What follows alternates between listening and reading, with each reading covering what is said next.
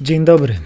Ja się nazywam Kamil Torczewski, a to jest trzeci odcinek podcastu Six Sigma Espresso, czyli o Six Sigma i Lean bez owijania w bawełnę, krótko, konkretnie i na temat.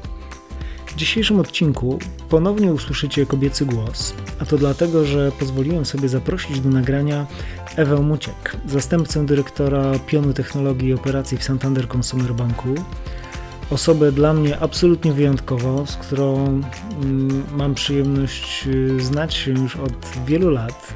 Mieliśmy też okazję wielokrotnie współpracować przy różnych projektach. I wyjątkowość ta polega na tym, że Ewa pokazuje, jak można być równocześnie niezwykle skutecznym liderem, skutecznym biznesowo, bardzo pragmatycznym, konsekwentnym, konkretnym działając w trudnym bankowym środowisku, ale równocześnie cały czas zachowywać ludzką twarz, bardzo dużą empatię, uśmiech e, i optymizm. I ja osobiście za to Ewę podziwiam. E, I wiem, że nie tylko ja, bo kiedy zdarza nam się spotykać na przykład na certyfikacji Black Beltów właśnie z Santander Consumer Banku czy Green Beltów, to jest taki wątek, który się tam często przewija, czyli właśnie bardzo dużo dobrego na temat czempiona, czyli na temat właśnie Ewy Muciek. Bardzo się cieszę, że Ewa zgodziła się wystąpić w tym podcaście. Was zapraszam do wysłuchania tej rozmowy.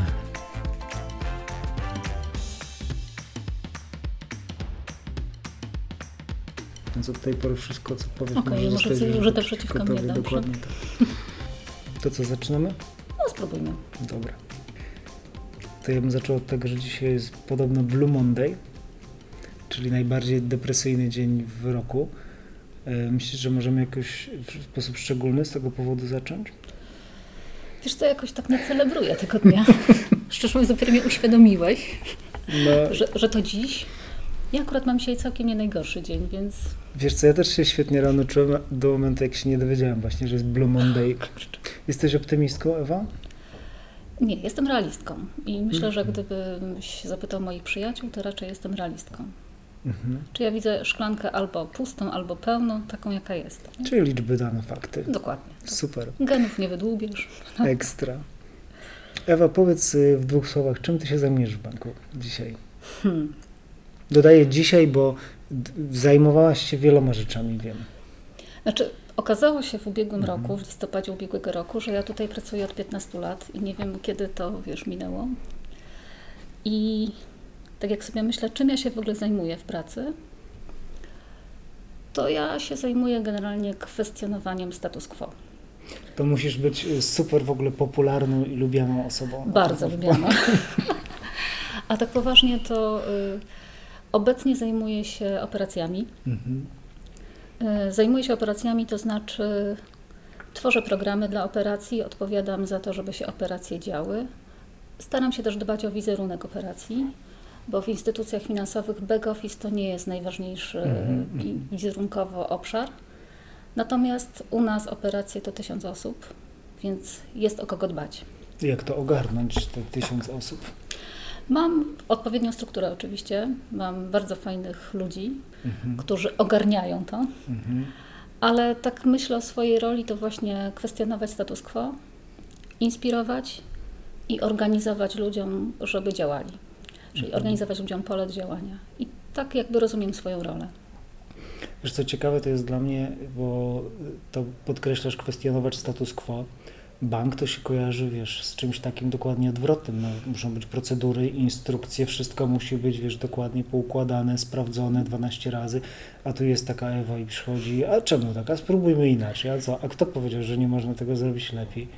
Jest to coś takiego, doświadczasz takiego? Tak, to rzeczywiście może się wydawać sprzeczność, mhm. pracując w banku i kwestionować ciągle status quo, ale właśnie w operacjach, główne operacje mają się toczyć zgodnie z, z procedurami, mhm. zgodnie z prawem, zgodnie z najlepszymi praktykami, ale zadanie operacji to jest ciągłe zastanawianie się, po co ja to robię. Mhm. Takie bardzo blisko linowo, six sigmowe, mhm. mhm. nie zawsze nazwane tą etykietą, ale właśnie ta kadra zarządzająca musi zastanawiać się, po co to robimy. Mhm. No i na tym polega to kwestionowanie status quo. I oni się zastanawiają? E, czasami czy tak. Czasami, czy potrzebujesz ich mobilizować do tego? Jest różnie. Tak jak w takiej grupie tysiące mhm. osób funkcjonujemy zgodnie z rozkładem normalnym. Mhm. Okay. Są ogony wybitne, jest ten złoty środek mhm. i są tacy, którzy, którym jest dobrze jak jest. Mhm, mhm. Czyli jesteśmy bardzo normalni. Mhm. Masz jakiś sposób, y, jak sobie radzisz z tymi właśnie, którzy tak bronią tego status quo? Y, kiedyś miałam takie założenie, że należy walczyć o każdą taką osobę, próbować ją inspirować, próbować y, zastanawiać się, dlaczego tak jest, jak jest ale wydaje mi się dzisiaj, że inwestuję energię i czas w ludzi, którym się chce. I właśnie ci, którym się chce, powodują, że osoby mniej entuzjastycznie nastawione do pewnych rzeczy zaczynają działać. Mhm. Więc inwestuję energię w ludzi, którym się chce, a reszta dociągnie. Nie? Mhm. Też mam, na tym etapie, na jakim jestem, też mam taką zgodę, że nie wszyscy muszą chcieć. I jak sobie dałam tę zgodę, mhm. to dużo łatwiej się żyje. Mhm, mhm, to prawda. Super. Powiedziałaś, Ewa, wcześniej magiczne dwa zwroty, czyli Lean i Six Sigma. No, jesteśmy w banku. Jak Six Sigma w banku, Lean w banku? Przecież to jest typowa produkcja, zdaniem bardzo wielu osób wciąż. Przecież wy nic nie, wyproduku, nie produkujecie tutaj. No, trochę nam to, że tak powiem, zajęło, żeby mhm. się przestawić y, z produktów niematerialnych y, i do tych produktów niematerialnych wykorzystać metody stosowane bardzo mocno na produkcji. Mhm. I jak byśmy się do tego zabrali? Przede wszystkim y, trochę porozmawialiśmy z firmami usługowymi, które miały większe doświadczenia, jeżeli chodzi o wykorzystanie tego typu metodyk. Mhm.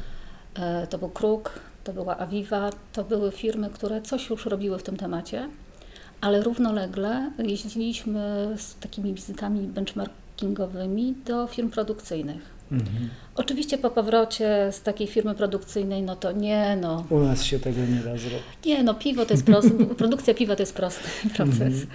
Albo produkcja y, postitów to też jest w ogóle banał. Banał, wiadomo. W porównaniu do produktów bankowych. Mhm. Ale po takiej dłuższej, po dłuższym zastanowieniu okazało się, że kurczę, no w zasadzie to jest to samo. Mhm.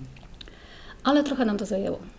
Czyli takie doświadczenie, wymiana poglądów, takie dyskusje w różnym mhm. gronie powodowały, że czasami się te klapki otwierały i rzeczywiście potrafiliśmy przenieść metody produkcyjne na nasze procesy i spojrzeć na nasze procesy jak na rzeczywiście proces y, produkcyjny, tylko że my nie produkujemy niczego materialnego, mhm. bardziej y, produkujemy byty wirtualne.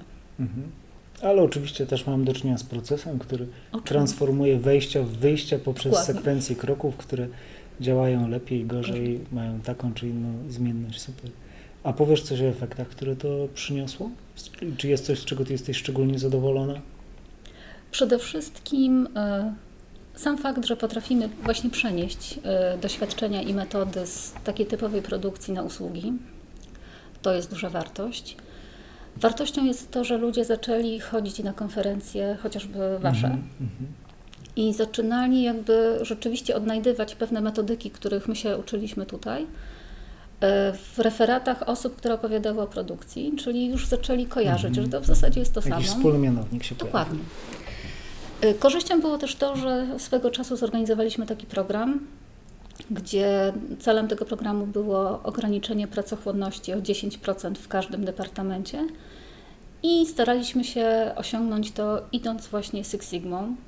I to się zakończyło sukcesem. Osiągnęliśmy to, co chcieliśmy, i mhm. wtedy ludzie dotknęli tego, tej metodyki, uczyli się tych kroków, i część z nich na tyle się jakby zachwyciła tą metodą, że się rozwija w tym mhm. kierunku. I to jest jakby coś, co pokazuje, że było warto. No myślę, że 10% przy tak dużej skali i takiej jakby powtarzalności tych procesów to jest całkiem istotny biznesowo kawałek do ugrania. Jest. Szczególnie, mhm. że wydarzyło się to w ciągu roku, więc tym bardziej jest to dla nas to było naprawdę duże osiągnięcie. Mhm. A powiedz Ewa, co, co zrobisz, żeby się nie zatrzymać po takim sukcesie? Ha. No wymyślić jakiś inny program. Myśmy kiedyś zrobili całe, mm, wiesz, takie spotkanie biznesowe na ten temat, bo też mamy takie doświadczenia, że właśnie jest duża pułapka w takich dużych sukcesach, że po takich przedsięwzięciach yy, bardzo nastawionych na konkretny cel, gdzie jest, rusza cała fala projektów mhm. I kiedy się to udaje i paradoksalnie jest ten moment właśnie najważniejszy, najlepszy, żeby to teraz pchnąć dalej, to jest takie super, to tylko trochę powietrza złapiemy, jest ten dzień, tydzień, y, miesiąc y, oddechu y, i potem się okazuje, że wszystko się zatrzymało. Znaczy u nas y, troszeczkę wyhamowaliśmy, też mhm. y, powiem szczerze. Y, skończyliśmy właśnie nasz program PEX mhm. z tymi sukcesami, o których mówiłam wcześniej. I kolejna edycja tego programu to była edycja, której celem było nie do końca skupialiśmy się tylko i wyłącznie na optymalizacji procesów, ale celem tej drugiej edycji było wykształcenie ludzi. Mhm. I tutaj stawialiśmy na to, żeby każdy departament wskazał osoby, które chcą się szkolić w metodyce i przy okazji realizować mhm. swoje projekty. I rzeczywiście ten proces szkolenia tych ludzi powodował, że osiągnięcia, jakie mamy, były dużo mniejsze niż te z ubiegłych lat. Ale ja zakładam, że to nie był czas stracony, bo teraz właśnie jesteśmy na etapie przygotowania się do wdrożenia tablic Hoshinkanri, bo chcemy zarządzać mhm. przez, y, przez cele w oparciu o tę tablicę. No i umiejętność problem solvingu jest no, nieoceniona mhm. i niezbędna, żeby to mhm. funkcjonowało. Więc zakładam, że to takie spowolnienie, jeżeli chodzi o efekt, było inwestycją w przyszłość.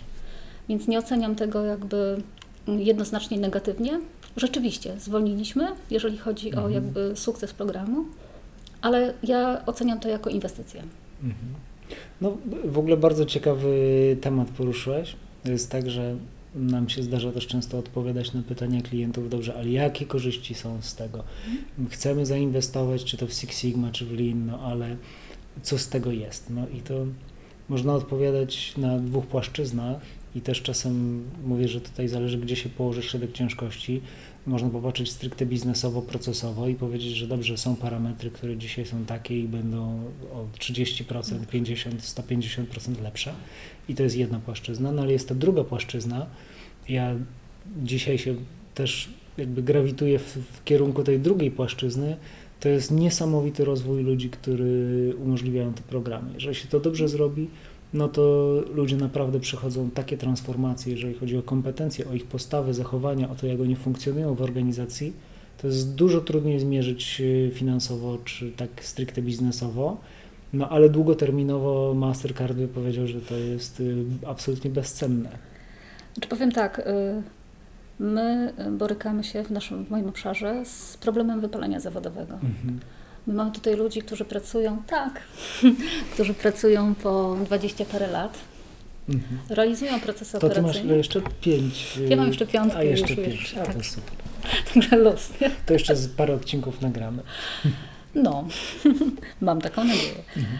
E, I właśnie organizowanie takiego programu albo takiej okazji, że ten ktoś, kto pracuje ciągle na tym samym procesie, ale trochę w innej roli, trochę zmieniając swoje kompetencje, ma szansę, o ile chce oczywiście, trochę odkryć na nowo swoją pracę. Mhm. Tą nudną, monotonną zamienić na pracę realizowaną trochę inaczej. I to też była wartość, żeby y, osoby, które już takie były powiedzmy znudzone tym, co robią, mhm. mogły spróbować czegoś nowego. Mhm. I to, tak jak mówisz, to jest też ten wymiar y, taki motywacyjny. Mhm, ja mam bardzo podobne doświadczenia, że często rzeczywiście ścieżka lidera w programach Six Sigma czy Lean to jest taka ostatnia opcja dostępna dla ludzi, dla których tak naprawdę nie ma już za bardzo propozycji na, na rozwój, a to jest coś, co dla wielu osób jest bardzo atrakcyjne. Tak. Mhm. Też Super. mi się tak wydaje i jakby to potwierdzają wybory naszych ludzi tutaj mhm. wewnątrz organizacji, że to jest jakiś pomysł na ich rozwój osobisty. Ewa, powiedziałaś takie trudne słowo, Hoshinkanri, a mhm. jeszcze jakbyśmy tutaj rozwinęli, to tutaj się nam pojawi jeszcze i Agile, i Kaizen, Continuous Improvement, i Scrum, i jakieś inne rzeczy. Ja wiem, że ty no się tak. biegle poruszasz w tych wszystkich y, różnych metodach. Powiedz, jak ty się organizujesz? To jest tego bardzo dużo. Wiem, że używacie w banku wiele z nich. Przede wszystkim To się nie miesza wszystko razem ze sobą? Musieliśmy sobie zrobić parę takich warsztatów. Mhm żeby powiedzieć, co jest czym i do czego służy. Bo rzeczywiście mieliśmy taką mieszankę pojęć, Co trener, co jakiś wykład motywacyjny, to coraz to nowe słowa, które mhm. różne rzeczy znaczyły. I zorganizowaliśmy sobie wewnętrznie taki warsztat, żeby uporządkować, co jest czym, co do czego służy, mhm. kiedy z jakich narzędzi korzystać. I mamy coś w rodzaju takiej mapy drogowej, y, która ułatwia nam podejmowanie decyzji, jaką metodą mhm. pracujemy. Pracujemy różnymi metodami, tak jak mm, powiedziałeś, y, ale staramy się świadomie wybierać narzędzie do tematu, którym się zajmujemy. Na początku to było trudne, ale to uporządkowanie i jakby rozwój ludzi w konkretnych ścieżkach porządkuje pewne rzeczy. I teraz wydaje mi się, że jak rozmawiamy o agile'u, czy jak rozmawiamy o waterfallu, jak rozmawiamy o różnego rodzaju y, dziwnych, egzotycznie brzmiących nazwach, mhm. to już mniej więcej wiemy, co do czego służy. Ale chwilę nam to zajęło. Ewa, a czy pozbywacie się też jakichś narzędzi? Myślę, że nie. Mhm. Staramy się czerpać na pewno nie realizujemy w 100% e, zgodnie z metodyką e, mhm. naszych projektów. Natomiast e, chyba naszą taką, mm, jesteśmy na takim etapie, szczególnie w tym takim moim najmniejszym zespole, że staramy się wyciągać różne narzędzia do tematów, którymi się zajmujemy, troszkę mieszając mhm. podejście. Czyli taka kontrolowana improwizacja. Tak.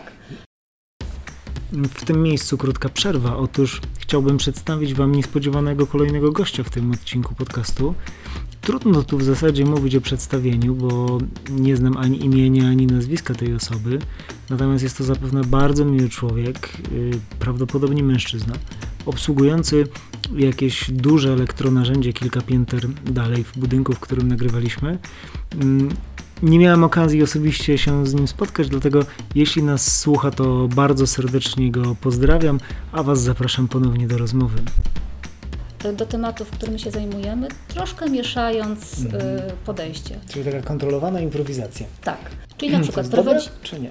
To zdania są podzielone na ten mm. temat. Ja mogę powiedzieć o doświadczeniach. Pierwsza edycja naszego PEXA właśnie była prowadzona metodyką Six Sigma, ale w mhm. rytmie agile'owym. Mhm. Czyli staraliśmy się pewne rutyny agile'owe zapleść do Six Sigma po to, żeby nadać tempo. E, efekt Odtwarzam był... sobie w głowie jeszcze raz to, co powiedziałaś. Okej. Okay. No, jest to niezłe. Więc pracowaliśmy w sprintach. Mhm. E, zespół, który wtedy mhm. był odpowiedzialny za koordynację, miał e, tak zwane daily. Mhm. Czyli pewne te elementy wykorzystywaliśmy z typowej metodyki agile'owej. Mhm. Natomiast szliśmy ładnie, pięknie z demake'iem, zgodnie mhm. z cyklem demake. Mhm. Super. No. no, czy efekt był? Y, myślę, że teraz ta druga edycja nie miała tego sznytu takiego agile'owego i szło nam gorzej. Mhm. Więc myślę, że teraz właśnie wracam z powrotem do tego, żeby jednak korzystać z tych rutyn, które daje Agile, mhm. po to, żeby wdrażać skuteczniej elementy, które chcę wdrażać. Mhm. No to myślę, że to jest ten y, pragmatyzm czy twój realizm, o którym powiedziałaś na początku, widoczny w pewien sposób. No staram się. Mhm. Wiem, że zajmujesz się też y, coachingiem trochę. Tak. I y, jak o tym opowiadasz, to mi przychodzi na myśl właśnie coś takiego, co w coachingu czy w terapii się mówi, że też oczywiście są różne metody, metodyki, różne szkoły, podejścia i tak dalej. Jest tego chyba jeszcze więcej niż w usprawnianiu procesów. Mm. A w ogóle ciekawy wątek, czy więcej jest metod na poprawę, usprawnienie ludzi, czy na usprawnienie procesów? E, ale gdzieś kiedyś któryś mądry nauczyciel powiedział mi, że trzeba uważać bardzo, bo taka mocna metodyka, dobra metodyka może czasem niestety skutecznie przesłonić człowieka. Mm. I zaczynamy robić metodykę, czy zaczynamy robić narzędzie, a zapominamy, że tam gdzieś za tym wszystkim jest człowiek. I myślę, że w firmach jest bardzo podobnie że jak się za bardzo przykleimy do czegoś, to może nam to przysłonić zupełnie biznes i zaczynamy robić, nie wiem, czy to będzie Agile, czy to będzie Six Sigma, czy to będzie nie ma znaczenia, a będziemy robić już to wtedy tak naprawdę tylko po to, żeby to się nazywało, żeby wyglądało, żeby za wszelką cenę się tego trzymać. No pytanie, co z tego ma biznes na końcu? Co z tego ma biznes i co z tego ma człowiek, bo to też, też jest ważny element. Jest takie ryzyko, mhm. jest takie niebezpieczeństwo i myślę, że to, co się dzieje w sektorze, w którym ja pracuję, to jest taki właśnie